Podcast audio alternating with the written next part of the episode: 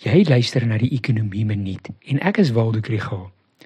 Terwyl ons wag vir Junie maand se verbruikersprysinflasiesyfer later vanoggend, wil ek graag 'n geskiedenisles deel.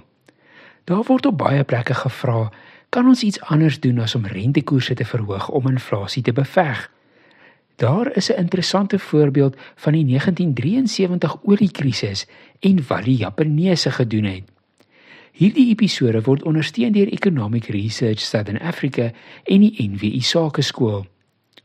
Japan het destyds al hulle olie ingevoer en toe die oliekrisis van 1973 hulle tref, het inflasie verdubbel vanaf 11,6% in 1973 tot 23,2% in 1974.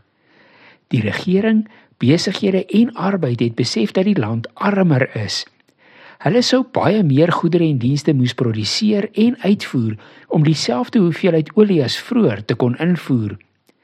Hulle het toe besluit om die oliepryskok te absorbeer en nie die stygings in kostes te laat lei tot stygings in lone en pryse nie.